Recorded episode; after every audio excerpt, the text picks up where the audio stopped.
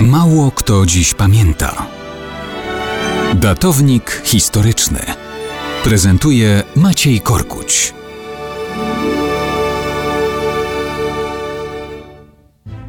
Mało kto dziś pamięta, że w weekend minie okrągła, bo 80. rocznica wykonania wyroku śmierci na Karolu Antonim Juliuszu Symie, znanym szerzej jako Igo Sym.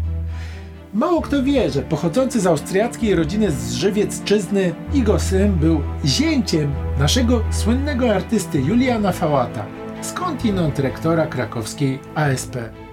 Aparycja i talent aktorski Syma dały mu sławę jednego z najprzystojniejszych polskich aktorów.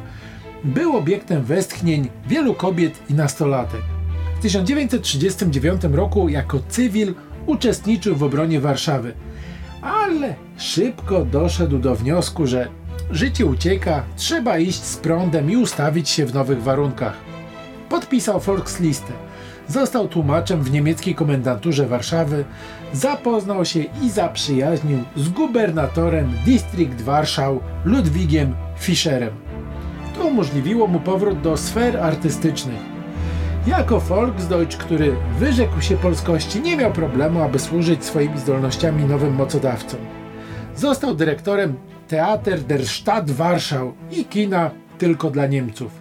Wykonywał usługi dla warszawskiego gestapo. Zajął się też pracą przy zleconym przez niemieckiego ministra propagandy Goebbelsa niesławnym filmie Heimker, który miał pokazywać cierpienia niemieckiej mniejszości narodowej w przedwojennej Polsce i jej szczęście po rozbiciu tejże przez Niemcy. 7 marca 1941, godzina 7.10. Trzech zakonspirowanych żołnierzy ZWZ pod dowództwem Bogdana Rogolińskiego wchodzi do mieszkania Syma. Strzał prosto w serce kończy jego rozpędzającą się karierę. Niemcy byli wściekli. Ludwik Fischer ogłosił w Warszawie urzędową żałobę.